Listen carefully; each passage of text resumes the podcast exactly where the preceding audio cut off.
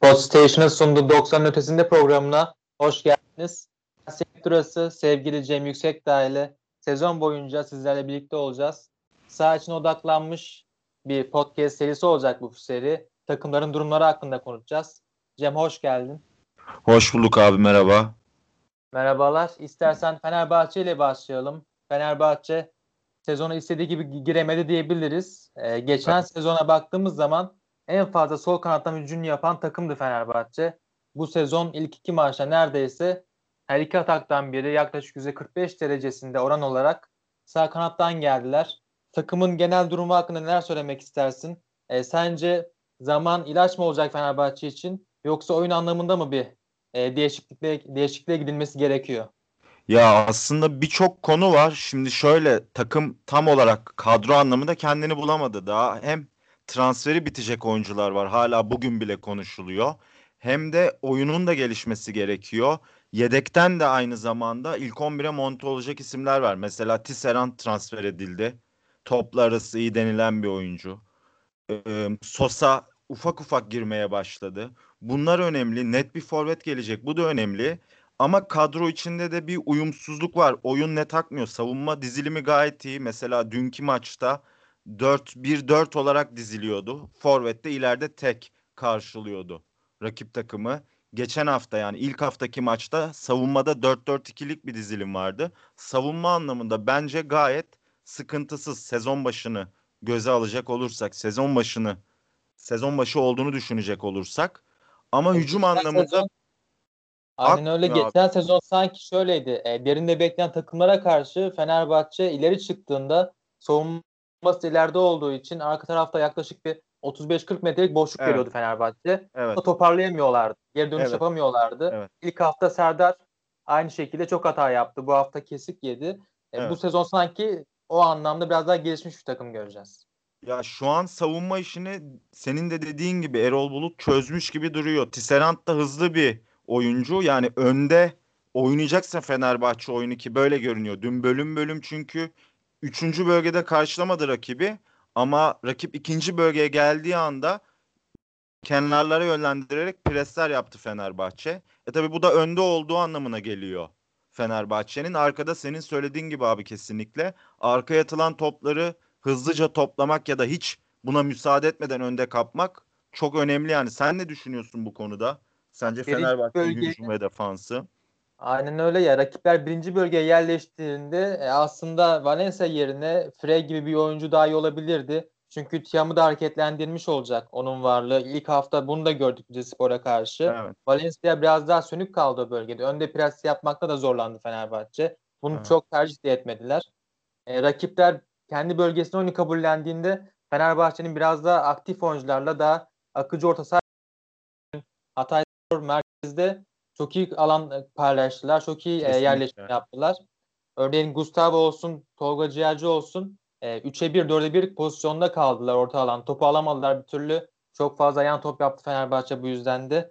Ya, eğer takımda daha yaratıcı bir oyuncu olsaydı, örneğin Sosa ilk 11 başlasaydı, ikinci yarı girdikten sonra ne kadar e, takımı aktifleştiren, e, rakip alanda sürekli dikine oynayan bir takım gördük.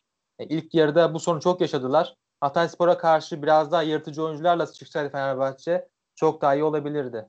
Abi katılıyorum. Ener Valencia tercihi o yüzden aslında olmuş olabilir. Sen de fark etmişsindir izlerken. Sırtı dönük tek pasları yani istasyon olarak aslında biraz öne çıkarmaya çalıştı kanatları. Mesela Tiam'la bir iki pozisyon, üç pozisyon hatırlıyorum. Bağlantı kurdu. Ama devamında Tiam'ın eksikliğinden dolayı tabii e, tek pasları yapamadı ya da topu kontrol edemedi. Ayağından açtı. Ama Frey tercihi de evet yine senin dediğin gibi rakibi yıpratma anlamında önemli olabilirdi. Ama Hatay'ın da abi kesinlikle dediğin şeye katılıyorum. Hatay iyi bir savunma takımı olmuş. Başakşehir maçında da pozisyonlar verdiler evet ama sonuçta yeni bir takım yeni oturuyor. Ben Hatay Spor'u da beğendim. Bir de şöyle kısa bir noktaya değinmek istiyorum. Fenerbahçe'nin sol kanadında ben şöyle bir problem gördüm. Yani problem de diyemeyebiliriz, demeyebiliriz buna. Caner'le Ferdi bağlantısı çok işlemiyor. Ben sebebini şu olarak gördüm. Caner 3. bölgeye çok direkt olarak oynamak isteyen bir oyuncu yani herkes biliyordur bunu zaten. Ferdi de bu noktada e, dışarıda kalıyor. Çünkü Caner orta sahada topu ikinci bölgede topu aldığında direkt üçüncü bölgeye aktarıyor. ver kaç ya da ikiye bir gibi bir şey denenmiyor iç aralarında. Sen fark ettin mi böyle bir şey gözlemledin mi abi dün? Abi çok doğru bir tespit. Ferdi de iç oyuncusu olarak biraz alışkın olduğu için bu tarz Evet. bir role biraz e, görev çakışıklığı olmuş gibi bir durum da ortaya çıkıyor. Bunu da ben ilk hafta şuna bağlıyorum. Geçen e, ilk haftadaki oynayan maçta biraz Hı hı. da Tolga, Tolga Ciğerci tercihini anlayabiliyordum. Caner ve Gökhan'ın ileri çıktı bir düzende. O Evet. arkaya atacak topları onlar biraz daha toparlayabilirdi Tolga ve e, Evet. Gustavo sayesinde. Ya eğer ya Ferdi'yi daha aktif kullanmak için Fenerbahçe'nin o bölgeye e, oyunu çok yıkmaması da lazım. Biraz sağ taraftan gelip oyunu genişletip defansı genişletip sola geçmeleri lazım. Ama zaten rakip oraya o tarafa odaklanmışken siz de Ferdi ile oradan gittiğiniz zaman biraz da e, rakip önlemleri arttırdığı için Ferdi'nin de e, yapacağı olumlu işler etkilenmiş oluyor. Sağ kanatta belki ben Gökhan hatta Gökhan Gönül'le daha iyi bir ikili olabileceklerini bile düşündüm. Dünkü oyundan sonra yani. Bir de Hatta- e, evet abi. Dersen Ferdi kariyerinde zaten sağ kanat olarak başlamıştı. Fenerbahçe'ye geldikten sonra e, sol kanada evrildi, evrildi kendisini. Ondan bunu istediler. Onun orijini zaten hem forvet arkasıydı hem sağ kanattı. Oralarda daha faydalı olabilir aslında. Ben, ben de öyle düşünüyorum. Özellikle de dünkü performansı ve maçın gidişatını Caner'le olan uyumunu gördükten sonra. Bir de bence şöyle bir nokta var. Dün Sosa girdikten sonra Fenerbahçe'nin orta saha diziliminde de bir değişiklik oldu. Ee, Tolga ile Gustavo biraz yani Tolga geri kaçıp Gustavo'nun yanına kaçmaya başlamıştı. Sosa girdikten sonra bu değişti. Biraz daha asimetrik bir dizilim vardı. Yani Gustavo ile Sosa, Sosa önde, Gustavo arkada olmak üzere dizildiler. Bu da aslında hem alan paylaşımını hücumsal anlamda iyileştirdi hem de dediğin gibi senin tabii Sosa'nın yaratıcılığı çok yüksek. Bu anlamda olumlu etkiledi takımı. Bunu daha fazla görürüz herhalde diye düşünüyorum ben ilerleyen haftalarda. Ben de öyle düşünüyorum. Takımda önemli bir sorun da var tabii ki. E, normalde ligin en uyum seviyesi yükselmiş olan takımı Fenerbahçe'nin olması lazım. Çünkü kampa yetişti bu transferler. Evet. Sos olsun, Mert Hakan olsun. Geç kalmadılar transfer yapmakta yönetim. Ya bu oyuncuların hepsi zamanında geldi. Ama dün gördük. Gökhan'la Sosa'nın pozisyonunu da hatırlıyorum ben. O kadar birbirinden kopuktu ki Evet. Evet. ayakları birbirine dolanmış durumdaydı. Bu anlamda da e, takımın uyum seviyesi bu kadar düşük seviyede olması biraz endişelendirdi beni.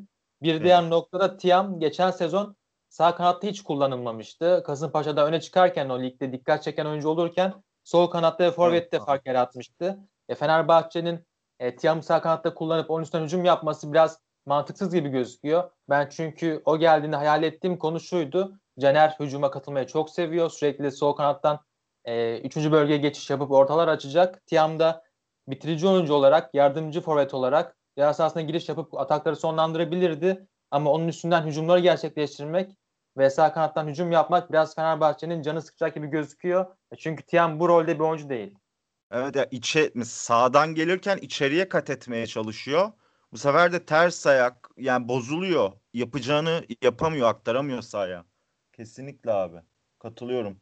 Yani Tiam solda denenirse daha verimli olabilir. Zaten geçen sene de bu rolde kullanıldı. Aynı zamanda Caner Tiam bağlantısını da izlemek bence güzel olur Fenerbahçe adına. Ben böyle düşünüyorum. Katılıyorum sana.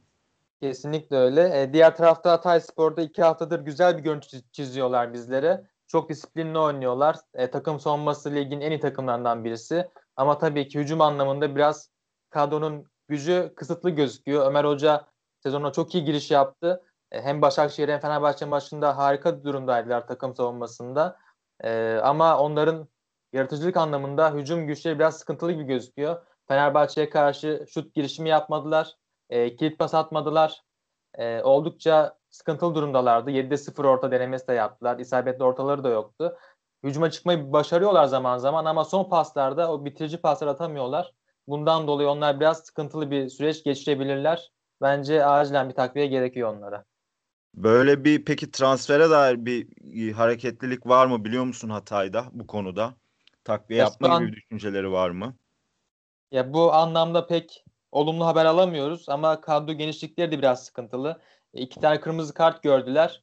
E, Evet. Hani normalde 5 değişiklik hakkı varken sarı kart gördüyse oyuncunuz hani çıkarabilirsiniz bu düzende. Eliniz çok güçlü çünkü değişiklik anlamında ama o kadar kısıtlı bir kadro var ki yani yerine gidecek oyuncu takımın gücünü çok düşürecek. Hoca mecbur kaldı buna. O yüzden pek eleştiremiyorum da. O yüzden onların acilen bir transfer yapması gerekiyor. Kadroyu güçlendirmeleri gerekiyor hücum anlamında. E, istersen Galatasaray'a geçelim. Geçelim abi aynen öyle. E, Galatasaray sezonun en iyi başlangıç yapan takımı diyebiliriz. Çok gösterişli galibiyet aldılar. Şu anda lider durumdalar iki hafta sonunda. E, Başakşehir'e karşı sen bu kadar ağır basan bir Galatasaray bekliyor muydun? Üstelik Avrupa maçı da oynadı bu takım. Biraz daha yorgun durumdaydı Başakşehir'e karşı. Çok gösterişli bir başlangıç yaptılar. Taylan'ın da bu seviyeyi Başakşehir'e karşı da sürdürebilmesi bence muhteşem bir olaydı. Abi ben ilk hafta Galatasaray'ı izledikten sonra beğendim tabii ki ama yani rakiplerinden dolayı Gaziantep'ten dolayı şunu düşündüm. Tamam Galatasaray çok iyi başladı ama yani birçok kişinin de aklına bu gelmiştir bence.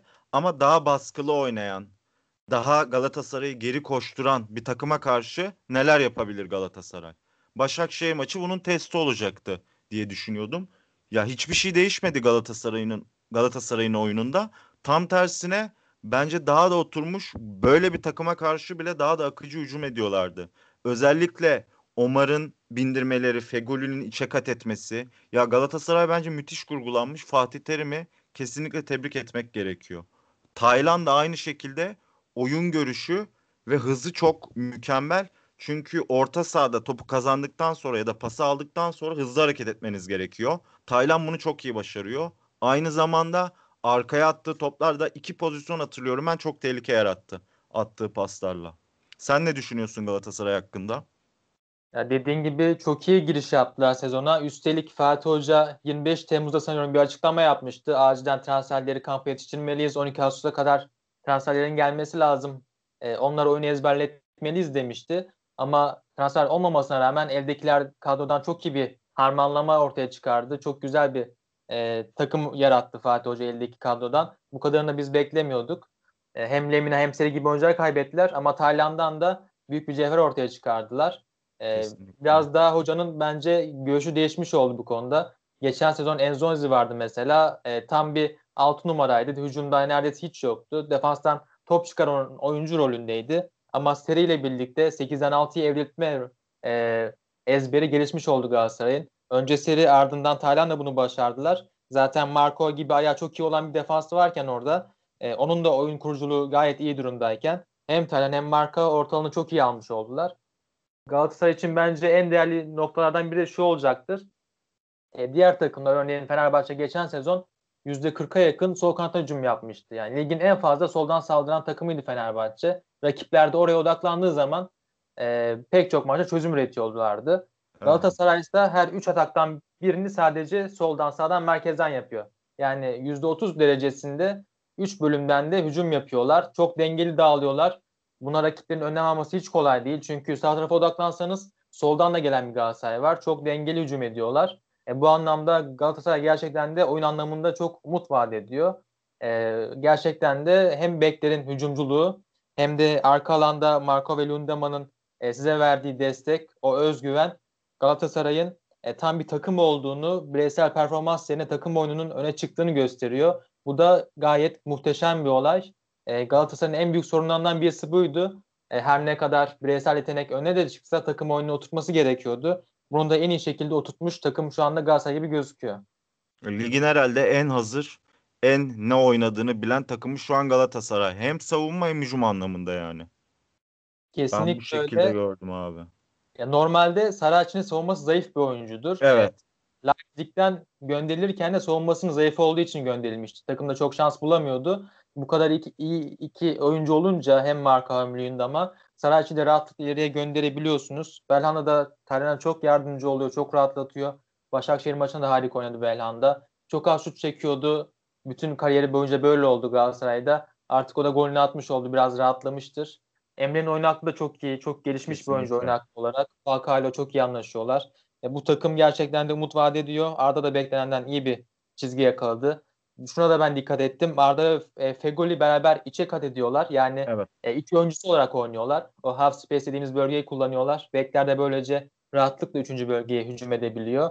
E, takımda her şey yolunda gidiyor. Çok iyi işleyen bir takım var şu anda. E, Sarayçı'nın sakatlığı biraz kafaları karıştırmış olabilir. E, ama evet. Fenerbahçe'ye karşı yine e, favori Galatasaray olacak. Çünkü en hazır takım dediğimiz gibi Galatasaray şu anda. Kesinlikle bu e, kanatlardan dediğin gibi senin hücum çeşitliliğinin de bu taktik taktiksel kurguyla alakası olsa gerek. Çünkü dediğin gibi Arda ve Feguli içe kat ettiğinde beklere bu sefer çok alan açılıyor. Ki Saratçı ve Omar zaten hücumcu iki bek. E bunlar da o zaman hücuma çıktıkları zaman Feguli'nin stoperle bek arasına yaptığı koşular devamında ya çok geniş bir alan çıkıyor Galatasaray için. Her tarafa devam edebiliyor hücum. Başladığı yerden terse, soldan ortaya. Ya bu yüzden gerçekten bence öne alınması zor yani Galatasaray'ın. Fenerbahçe evet. için de savunması iyi dedim ben. Test olacak bence.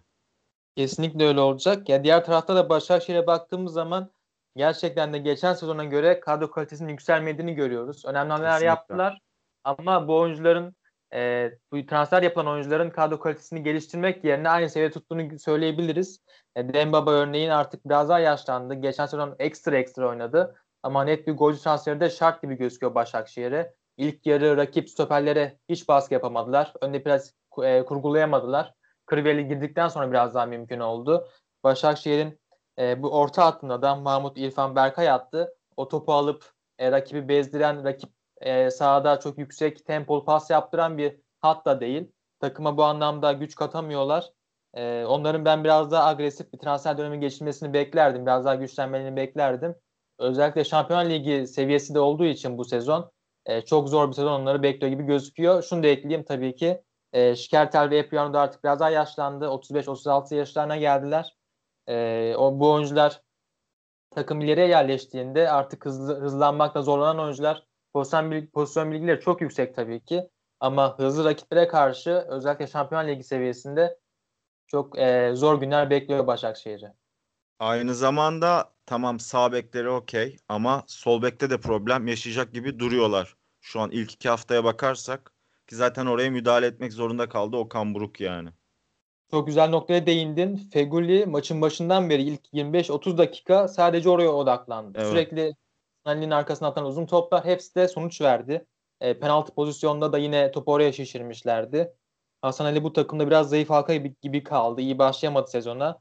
E, ben onların ortalama yerleşimine de bakmıştım. Ortalama pozisyonlarına da bakmıştım. Hasan Ali biraz da aslında desteklenmeyen oyuncu gibi kalmış. Alexis çok fazla içe kıvrılmış. E, biraz o kanat Hasan Ali'ye kalmış gibi gözüktü. O da çok zorlandı bu anlamda. E, Başakşehir için zor bir süreç geçiyor. Bir diğer nokta Başakşehir hakkında geçen sezon e, maç başına 20 tane orta açıyorlardı. Biraz dengeli bir durumdu bu. İki maçta bu sezon 57 orta açtılar toplam. Yani yaklaşık 28 orta açtılar maç başına. Bu biraz da onların bence orta sahasından kaynaklanıyor. Orta sahada üretim yapılamadığında sıkıntılar yaşandığında çok fazla yan pasa yöneliyor takım ve orta Kanatlar açma itiliyorlar, değil mi? Evet, orta açma yöneliyorlar. E, bu da bir sonuç getirmiyor takıma. Mecburen orta açma yönelmiş gibi bir e, takım durumda şu anda Başakşehir. Bu orta açma mevzusu da e, şöyle bir dezavantaj yaratıyor. Eğer hata sonlandıramazsanız karşınızda da hızlı çıkan bir takım varsa, geçiş oyununu iyi oynayan bir takım varsa problem yaşıyorsunuz. Ki senin söylediğin gibi Başakşehir'in tercihi değildi bu ortalar. İtildikleri için kanatlara kullandılar. Bu da orta kalitesinin düşük ya da ilk tercih olmadığı için problem yaratabileceği anlamına geliyor. Ortadan yani şu anlama geliyor özetle. Ortadan sürekli top sekiyor, karşılanıyor ve rakibiniz hücuma çıkıyor. Senin de söylediğin gibi stoperler zaten yaşları gereği yavaş. Orta sahada çok iyi toplayamadı bence. Ben mesela İrfan Can'ı beğenmedim. Bence çok kötü bir performans sergiledi. Sahada yani dağınık gibiydi aslında. Hani konsantrasyon problemi de var gibiydi. Bu yüzden ne kadar eleştirmek doğru olur bilmiyorum ama yani Başakşehir gerçekten çok problem yaşayacak gibi duruyor bu sene. Yenilenemediler çünkü yani. Kadroyu yenileyemediler. E, eğer e, şampiyon olmasalardı ya da biraz da e, pandemi yaşanmasaydı, uzun bir zamanlar olsaydı bence bir kadro değişimini yaşayabilirlerdi. E, temeli biraz farklı kurabilirlerdi bu sezon. E, dediğin gibi orta çok önemli bir konu. E, artık günümüz futbolunda rakip takımlar, gömülen takımlar e, saldıran takım orta açsın biz kontratak yapalım diye bekliyorlar. E, bu anlamda da orta açmayı e, siz sonuçlandıramıyorsanız direkt kontratak yiyorsunuz. E, buradan aslında şuna da gelebiliriz. E, Trabzonspor bu hafta e, farklı bir anlayışta oynadı. E, üçlü defans oynadılar. E, 3-4-1-2 gibi bir dizilimleri vardı. Evet. Ama buna rağmen rakiplerin orta açtığı e, durumlarda e, iki haftadır Trabzonspor'a karşı %50 isabetle orta açıyorlar. E, Trabzonspor 3 stoperle oynadı bu hafta. Bu %50 orta açma durumu çok e, vasat bir performans. E, çünkü bu kadar yüksek %50 rakibe izin vermek, ortalara kafa vurdurmak büyük bir sorun. E, istersen Trabzonspor'a geçebiliriz buradan Geçelim. doğru. E, ilk hafta dörtlü bir sistem vardı. Newton bunu tercih etmişti. İkinci hafta 3-4-1-2 oynadılar. E, Abdülkadir Ömür'ün artık merkezde oynadığını biz görmeye başladık. Yusuf'un varlığından dolayı geçen sezondan önceki dönemlerde e, mer, e, kanatlara itilmişti Yusuf'un varlığından dolayı. Bu hafta uzun zaman sonra ilk kez onu merkezde gördük. O kadar kanıksamış ki orayı sürekli çizgilere inmeye de devam etti. Evet, evet. Öyle bir sistemde üçlü oynuyorsanız e, iki tane kanat bekinizin çok iyi olması lazım. Sürekli hücuma destek vermesi lazım. Temposu asla düşmemesi gerekiyor. Ama sizin bekleriniz e, Abdurrahim ile e, Serkan Hasan'dı. Yani bu iki oyuncu da 3-5-2 oynamada uzman bir oyuncular değil. Zaten yeni yeni oynuyor, oynamaya başlamış oyuncular. Bu oyuncuları oynattığınız zaman hücumda çok etkisizleşiyorsunuz. Hücumda alanları çok fazla oyuncularınızı bırakıyorsunuz. Yani Afobe ve Ömür'ün ilk yarı e, gerçekten çok zorlandığını söyleyebiliriz. Çok geniş alanları tutmaya çalıştılar. Bu anlamda 3-5-2 oynamak hiç kolay değildir. Abdurrahim ve Serkan'ın oynaması biraz daha işini zorlaştırdı Trabzonspor'un. Ya 3-5-2'de senin söylediğin gibi üçlü stoper evet ama iki kanat beki kanadı kullanacak oyuncular çok önemli. Hatta oyundaki büyük ya yani hücumsal ve savunma anlamında büyük yük düşüyor bu oyuncuların sırtına. Eğer bu iki oyuncunuz bu kalitede değilse bu sistem tercihine kadar doğru bence tartışmaya çok açık bu konu. Ya bak de zaten takımın en önemli oyuncusu olarak çizgide e, fark evet. Oyuncu. Takımınızın en üretken oyuncusu. Ondan merkezi ittiniz biraz daha. İleride e, çift santrafor olarak kullandı Newton Hoca. Ama Vakayeme'de artık o kadar duruma gelmiş ki isyan etme noktasına geldi. İlk yarının son anlarında yaratılan pozisyonda çizgiye indi. Kendini çizgiye attı. Çalımlar atarak e, penaltı pozisyonunu yarattı. O iptal edilen penaltıda e, kendisi yarattı. Çizgiye attı kendisini. Bu oyuncuların da uygun olduğu uygun oldu mu olmadı mı pozisyonlar bu sisteme pek çok e, tartışma yaşanacak gibi gözüküyor. Hiç kolay değil bu sistemi hemen oturtabilmek. Eldeki oyuncular ne kadar uygun da tartışılır. E, bence bir diğer önemli nokta Baker transferi oldu. E, Newton olduğu için geldi Baker. E, evet. Baker 9 yaşında girmişti Chelsea'ye. E, Newton da e, yaklaşık 7-8 sene birlikte geçirdiler. Chelsea'de birlikte geçirdiler. E, Baker'ın ben biraz da e, rakip alanda topu alıp rakip alanda oynamasını beklerdim. Bu maçta çok fazla geden oyun e, top çıkaran oyuncu rolündeydi. Abdülkadir parmağı bu rolü verip Baker biraz daha rakip alanda kullanmak daha iyi olabilirdi. Ömür'le birlikte iyi işler yapabilirlerdi. Zaten e, Baker kariyerinde e, bir maçta en fazla yaratıcı pas atmış oyuncu rekorunu kırmış bir isim. Onun biraz daha serbest olduğu rolde daha olumlu işler yapabilir Trabzonspor. Tabii ki onu en iyi tanıyan Newton'ken e, benim bu eleştirim ne kadar doğru olur bunu zaman gösterecek. ama onu ben çok beğeniyorum Baker'ı. Duran toplarda da gayet iyi. E, ama gerçekten de zaman gerekiyor Trabzonspor'a. Hücum anlamında peki yerleşimini nasıl buldun? Ben Trabzon maçını izlediğimde Trabzon adına çok büyük eksikler gözlemledim. Sen başlamak ister misin? Ben mi devam edeyim? Ya bence ya da gözüne çarpan bir şey oldu mu? Afabe bence beklenenden de iyiydi. Olanları gerçekten iyi değerlendirdi. E, geniş alan tutmak zorundaydı. Gayet iyi işler çıkardı. Bu e, bek problemi, kanat beklerin hücumda bu kadar az aktif olması Trabzonspor'un en büyük eksisi oldu. E, bu kurguyu da oturtmakta çok zorlandılar. İlk 15 dakika yani %90'lara ulaşan bir Deniz Spor'un toplu oynama oranı vardı. Tamamen e, force etmişti oyunu. İkinci biraz daha anla, e, taktiği oturtmaya başladılar. Bekler biraz daha ileriye çıktı. E, hiç kolay gözükmüyor Trabzonspor'un bu düzende uzun haftalar e, peş peşe gelip artık peş peşe galibiyetler de alması. E, biraz soru işareti görüyorum ben onlar adına bu taktiği. E, sanıyorum e, dörtlüye dönmek daha iyi olabilir onlar için. Ben de öyle düşünüyorum. Bir de topu çıkartırken Trabzon kendi yarı sahasından oyunu kurarken büyük bir kopukluk gözlemledim ben. Tabii şimdi burada görüntü kullanamadığımız için çok dinleyenlerin kafasında bir şey canlanmayabilir ama geride üçlü bir at top çıkarıyor. Orta saha oyuncuları da forvet oyuncuların yanına kadar yaklaşmış. Arada ise yani 20-25 metre sanırım bir boşluk vardı. Bu şekilde zaten hücum edebilmenin imkanı yok yani kesinlikle imkansız. Oraya birinin gelip topu alıp dağıtması gerekiyor. Bu yani yerleşim gerçekten problemliydi. Bunu herhalde Newton hoca yani halletmeyi çalışacaktır. Kendisi de gözlemlemiştir diye düşünüyorum. Ya Trabzon'un Evet. işi gerçekten çok zor gözüküyor bence. Kesinlikle öyle. Denizli Spor'da e, gayet iyi bir anlayışa sahadaydı. E, o, şöyle bir durum da yaşandı maçta. Hadi Sako oyuna girdi. 4 dakika oynayabildi. Kırmızı karttan dolayı maçtan atıldı. Bundan sonra e, Newton çok uzun süre bekledi. Yaklaşık e, 15 dakika boyunca değişiklik yapmadı. 85'ten sonra değişiklikler geldi. E, biraz daha eleş, eleştirildi bu konu.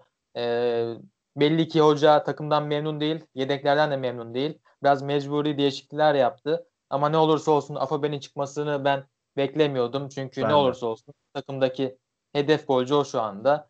E, bu anlamda biraz da Trabzonspor'un yine Sörlotvari e, çok yıldız oyuncular almadan düşük e, bütçelerle transferler yapıp e, bu oyunculardan faydalanması bekleniyor. E, ilk hafta Flavio gayet iyi bir oyun or- ortaya koymuştu bence e, merkez orta sahada. E, son yarım saat oynayamamıştı kırmızı karttan dolayı. Ama maç bittik, bittikten sonra bile en fazla top çalan, top kapan oyuncu rolündeydi. E, onun geri gelmesinden sonra, kırmızı kartı bitmesinden sonra e, daha olumlu bir Trabzonspor görebiliriz. Ama şu anda en önemli konu Newton'a sabretmek olacak onlar arasından. Eğer güveniyorlarsa arkasında durmaları gerekiyor. Ya bakalım neler olacak. Ben hocanın işini de zor görüyorum açıkçası yani. Trabzon'un işi her anlamda bence çok zor şu anda. Bakalım neler kesin- bekliyor onları. Kesinlikle öyle. E, istersen e, bir diğer maça geçelim. Beşiktaş'a geçelim. E, Beşiktaş e, Antalya Spor'la bir bir berabere kaldı bu hafta. E, iki hafta sonunda da Beşiktaş'ın 4 puanı bulunuyor. Bence eldeki kadroya göre gayet iyi iş çıkardılar. İlk hafta ekstra bir galibiyet. ikinci hafta e, her ne kadar öne geçmiş olmasına rağmen puan kaybetse de e, Antalya Spor da hiç fena bir takım değil. Eldeki kadroya baktığımız zaman Beşiktaş'ın bu kadar eksiği varken 2 hafta 4 puan bence güzel bir başlangıç. Sen neler söylemek istersin? Dediğin gibi senin Beşiktaş'ın elindeki kadrosu ya çok çok iyi demek mümkün değil bu kadroya. Ama e, şöyle bir takım kurgusu yapılmış. Eldeki kadroya göre kurgulanmış. Kesinlikle. Buna göre şekilleniyor takımın hücum ve savunması. Yani daha çok kontra gibi. Ya kontra demeyelim de hücum e, hücumdaki rakibi karşılamaya çok önem veriyor Beşiktaş. Savunma kurgusu bence iyi Beşiktaş'ın. Kötü yerleşmiyorlar, kötü karşılamıyorlar rakibi. Ama bunun devamında kontra atan gelmesi gerekiyor. Bu konuda sıkıntı yaşıyorlar bence. Yani iyi Yap. hücum edemiyor Beşiktaş kesinlikle. Bence de öyle. Bu takım artık biraz daha dengeli bir takım olmuş. Ee, geçen sezon Gökhan ve varlığıyla sürekli hücum eden bir takım vardı. Sergen Hoca dengeli oynamayı seven bir takım. Çok e, tamamen saldırmayı düşünen bir hoca da değil zaten. E, Beşiktaş'ın yaptığı transferlerde hem Wellington hem Sak Ensakala transferi. E, bunun biraz daha ben hocanın tercihi olduğu için de daha dengeli Beşiktaş görecek gibi görüyoruz bu sezon. 3-1, 4-1 gibi skorlar yerine 1-0 tercih eden bir takım var. Orta blokta çok dengeliler, çok disiplinler. Kesinlikle. Takım savunması e, özellikle Trabzon maçında muhteşem bir takım savunması vardı. E, Kayller'in de geriye gelip önde pres yerine geriye gelip orta alanları e, dengeli tutup rakibin yerden merkezden girmesini engelleyen bir e, düzen vardı Beşiktaş'ta. Çok disiplinli oynuyorlar. Hala kadro tabii ki zayıf ama eldeki e, durumdan e, çıkan sonuca göre gayet iyi gidiyorlar şu anda. Has için performans da biraz ekstra oldu. Takımdaki en hareketli oyunculardan olması onun formayı almasındaki etkendi diyebiliriz. Çok yetenekli oyuncu. Kaleyi gördüğünde direkt deneyen bir oyuncu. Hiç kolay değil bu seviyede oynayabilmek. Ama e, bu maratonu kaldırabilmesi hiç kolay değil. Ama bu sezon umut veren oyunculardan biri olacak gibi gözüküyor. Ya ben şey, şuna da gelmek istiyorum. Ortalanı gayet iyi Beşiktaş'ın aslında e, oyuncular olarak, kalite olarak. Ama bu oyuncular birbirine ne kadar uyumlu, ne kadar e, Beşiktaş'ın gücüne güç, güç katacak oyuncular biraz tartışılır. Çünkü Mensa transferi yapıldı. Mensa Kayseri Spor'da parlarken yerleşmemiş takımlara karşı fark yaratıyordu. Geniş alanlarda muhteşem performans ortaya koyuyordu. Antalya Spor'a karşı kitlendiğini gördük biraz. Çok fazla yan pas yaptı Mensa. E, yerleşik savunmalara karşı onun biraz daha gelişmesi gerekiyor. Böyle takımlara karşı fark yaratan bir oyuncu değil. Adem Lay için kadroya girdikten sonra çok iyi oynaması gerekiyor takımda yaratım an, e, yaratıcılık anlamında. Çünkü e, böyle savunmaları aşabilecek bir Adem var gibi gözüküyor şu anda Beşiktaş'ta. Onun dışında e, biraz daha mesafe bırakılan e, maçlarda Beşiktaş orta sahası oyunu ele alacak gibi gözüküyor. E, o yüzden de Antalya Spor'a karşı çok zorlandılar. E, Antalya Spor'un kurgusunda da e, ilk yarı ben ekstra önlemler gördüm. Ya bu kadar geri e, çekilme gerek var mıydı bilmiyorum. Eğer ikinci yarıdaki oyun kurgusu ilk yarı yapılmış olsaydı maça Orgil Podolski gibi isimlerle başlansaydı e, daha farklı bir skorda görebilirdik. Yani Antalya Spor'un bu kadrosu işte aşağı kalır durumda değil Beşiktaş'tan. Bence de. Mükemmel durumda. Antalya savunmada maçın başında sanırım 8-10 dakika kadar denedi bunu. Altılı bir savunma hattıyla çıktılar. Önünde 2-2 olarak böyle bir dikdörtgen formunu aklına getirebilirsin bu konuda. Bu şekilde yerleşmişlerdi. Bunu ben geçen sene Wolverhampton'ın sahasında Molineux Park'ta oynanan maçta Wolverhampton'ın Liverpool'a karşı uyguladığını görmüştüm. Ama beşli savunma hattıyla uygulamışlardı ama ön taraftaki kurguları yine bu şekilde dikdörtgen ortaya da bir oyuncu dikmişlerdi. Bu şekilde Beşiktaş'ı çok iyi durdurdular. Çünkü Tyler Boyd ve Hasic bekle stoperin arasına girerek açıklık yaratmaya çalışıyor orta sahadan. Çünkü Mensah delici bir oyuncu. Koşu atabiliyor. Bu fırsatların tamamen önüne geçti Antalya. Ben de şaşırdım bu şekilde başlamalarını. Hiç böyle bir şey beklemiyordum. Ama devamında bundan vazgeçtiler. Ondan sonra oyun zaten biraz daha döndü. Beşiktaş maçın orta bölümüne doğru biraz daha topu ayağına aldı. Biraz daha rahat hücum etti. Ama senin söylediğin gibi çok da aslında işte e, akıcı değil yani Beşiktaş. Mensah'ı daha olumlu kullanabilirler. Sen de söyledin. Açık alanlarda fark yaratıyordu diye Mensah bu açık alanları yerleşmiş savunmaya karşı bulamazlar ama kaptıkları toplardan sonra iyi geçiş oyunu oynayabilirlerse bulabilirler. Mensah kullandırabilirler bu alanları ama bunu yapamıyor Beşiktaş. Savunma anlamında kötü değil bence iyi ama hücum anlamında bence eksikleri var.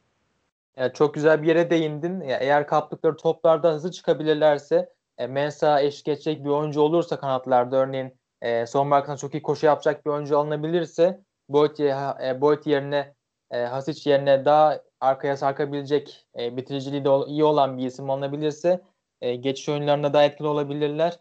Zaten Sergen Hoca da seven bir isimdi bunları. E, geçmişte yaptığı e, işlerde bunu da görmüştük. E, Beşiktaş'ın biraz daha sanki e, takım disiplini bu sezon yüksek seviyede tutup e, bir şekilde golü bulayım e, sonrasında disiplini savunmayı sürdürme anlayışınca olacak gibi e, gözüküyorlar. E, Antalya Spor'da farklı bir kurguda sahadaydı dediğin gibi. Hakan Özmerk ilk hafta muhteşem e, performans ortaya koymuştu. Yine en çok e, maçın e, top kapan oyunculardan birisi olmuştu. Takımda atakları yönlendiren isim de Hakan olmuştu. E, bu hafta da iyi bir görüntü çizi diyebiliriz. E, Antalya Spor'da zaten yedek kulübesi de çok güçlü bir takım. Harun Aksoy bu maçta kullanılamadı. Sidney Sam da kullanılamadı. Çok güzel bir kadroları var. E, istersen e, bu maç hakkında diğer bir görüşün yoksa başka bir e, takıma geçebiliriz. Geçebiliriz abi. Lütfen. E, istersen Alliance Spor'u konuşalım biraz. E, Alliance Spor e, gayet iyi bir başlangıç yaptı sezona. E, ben onlardan bu kadarını beklemiyordum aslında. İki maç 6 puanla başladılar. Gol görmediler. Yapılan transferlerde tam oturmuş takıma. Adam Barreiro muhteşem bir giriş yaptı sezona. E, bu iki haftada 8 şut çekti Barreiro. Hepsi ceza sahası içindendi. Sadece biri isabetsizdi. Ya tamamen Barreiro'yu rakip alanda kullanıp ceza sahasında bitirici olarak topla buluşan adam olarak kurgulamış Çağdaş Atan. Bu anlamda muhteşem bir kurgu bu. Bir diğer konuysa geçen sezon Ceyhun vardı orta sahada. Hı hı. Onun yerine bu sezon Fatih Aksoy'la e, Salih Uçan kullanılıyor beraber. Onu çok iyi force ediyorlar. E, takımı rakip alana yerleştiriyorlar. Çok iyi geçiş hücumları yapıyorlar bu iki oyuncuyla. Ceyhun yerine direkt Fatih'i getirip oraya koymak çok cesur bir karardı ve bundan da çok iyi verim aldılar. E, onların varlığıyla birlikte bence Efecan da daha da serbest rolde tam bir hücumdaki beyin olmuş. Efecan çok iyi yönlendiriyor takımı. E, Barrero'nun da katkısıyla e, takım gerçekten de umut veren bir takıma dönüştü. Davison da ilk haftanın gol atan ismiydi. E, gerçekten güzel bir ekip ortaya çıktı. Sisse'yi ben biraz aramalarını beklerdim. Ama bu elde kadro gerçekten hiç aratmıyor Sisse'yi. Daha tempolu oynayan bir ekip var. E, bu tak bu gibi takımlarda en önemli şeylerden biridir aslında savunma hattının e, bozulmaması, merkezdeki hmm. oyuncuların kalması. Kolkır'da kaldı, Zavelias'ta kaldı, Marafona yine harika durumda, o, o da kaldı. Juan da kaldı. Bu takım üstüne koymuş bir takım. Alliance Spor'un bu sezon yine flash takımlarından biri olacak gibi gözüküyor ligin. E, sen ne dersin bu konuda? Abi ben çok yorum yapamayacağım. Bu maçları ben fazla takip edemedim. Anadolu kulüpleri olarak adlandırdığımız kulüpleri ben fazla takip edemedim. Ama sana şunu sormak istiyorum. Şimdi Alanya'da yani değişiklikler söz konusu. Sence geçen seneden neleri daha iyi yapıyor, neleri daha kötü yapıyor? Bu konu hakkındaki gözlemlerin neler oldu senin? Ya geçen Değişen de bir kadro var çünkü yani. Öyle ya da böyle. Aynen öyle. Geçen sezon e, Erol Hoca ile birlikte orta açmaya çok yönelmiş bir takım vardı. Erol Bulut geldiğinden beri Mesut Bakkal sonrasında ve Sergen Hoca sonrasında ligin en fazla orta açan takımına çevirmişti Alanya Sporu. Öyle bir tercih yapmıştı. E, ve ligin en az sayıda pas yapıp bir an önce e, hücum yapmaya çalışan takımıydı Alanya Spor. Şutlarını ceza sahasından çekmeye çalışıyorlardı. E, ve duran toplarda çok iyi bir takım vardı. Bu sezon baktığımız zaman ilk hafta atılan ikinci gollerinde yine duran topla atılan gollerini Yine duran top uzmanlıklarını sürdürüyorlar. E, o gelişmişliklerini sürdürüyorlar. Kaybetmişler bunu hiçbir şekilde. E, bunun yanında e, akan oyunda gayet iyi durumdalar. İlk haftaya göre uzun pas becerilerini geliştirdiler biraz. Uzun paslarda isabetsizlikler yaşıyorlardı. E, onu biraz geliştirdiler. Üçüncü bölgeye hakimiyetlerini arttırdılar. E, onların ama şunu ben çok merak ediyorum.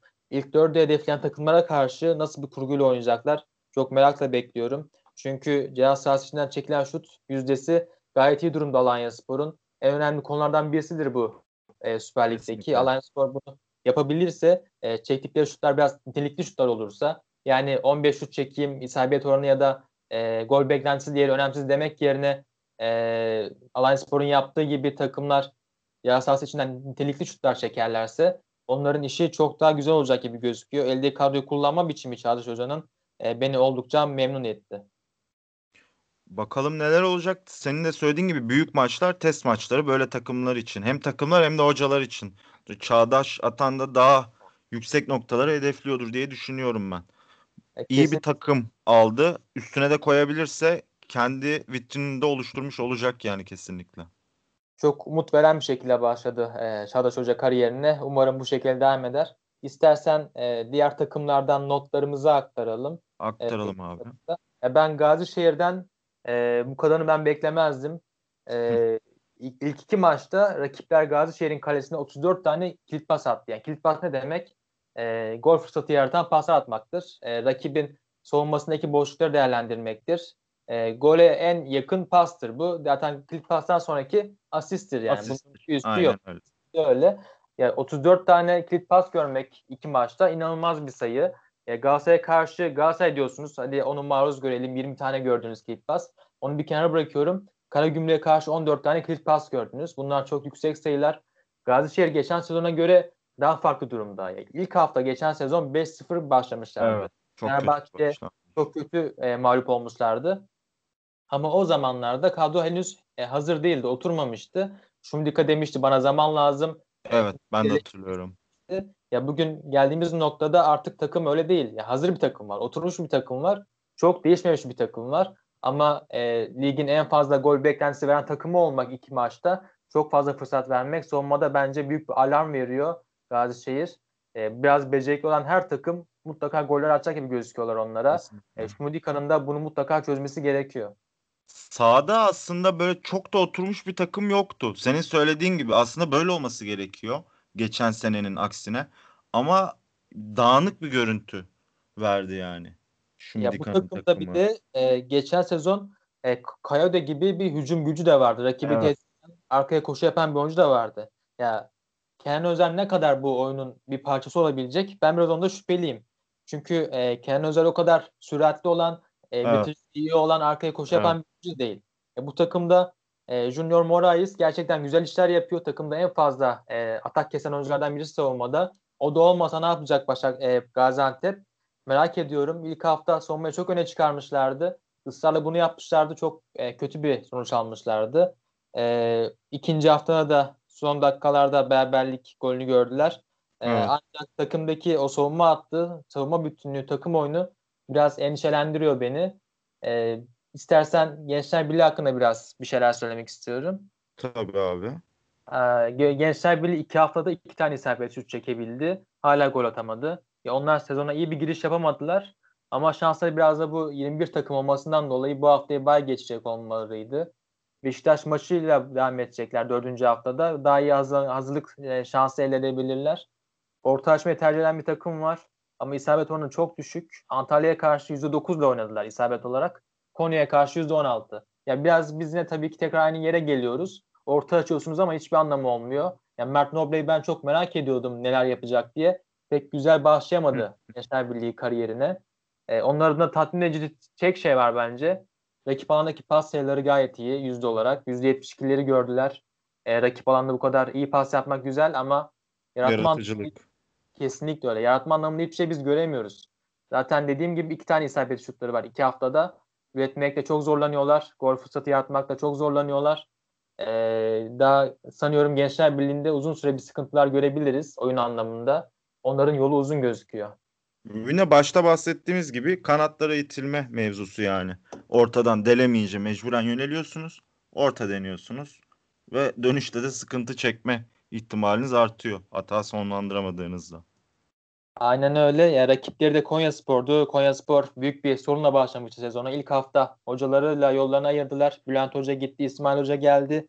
Onlar da hazır bir durumda değillerdi. Ya buna rağmen bu kadar zorlanarak başlamak Gençler Birliği'nin iki haftasının böyle geçmesi e, biraz endişe verici gözüküyor. E, senin başka eklemek istediğin var mı e, Süper Lig takımları hakkında? Benim şu anlık yok abi. Bu haftalık. Benim Tamam, için bu evet. kadar diyebilirim. Evet, Süper Lig'deki takımlarımızı konuştuk. Ee, özellikle ilk 5 takım olarak e, Fenerbahçe, Galatasaray, Beşiktaş, e, Trabzon ve e, Başakşehir'e ağırlık verdik. Genel anlamda bu tür e, yorumlarda bulunduk. E, 90 ötesinde programının sonuna geldik. E, bu sezon boyunca ben Semih Cem'le birlikte e, devam edeceğiz programımıza. E, dinleyen herkese teşekkür ediyoruz. Hoşçakalın. Hoşça kalın. Görüşmek üzere.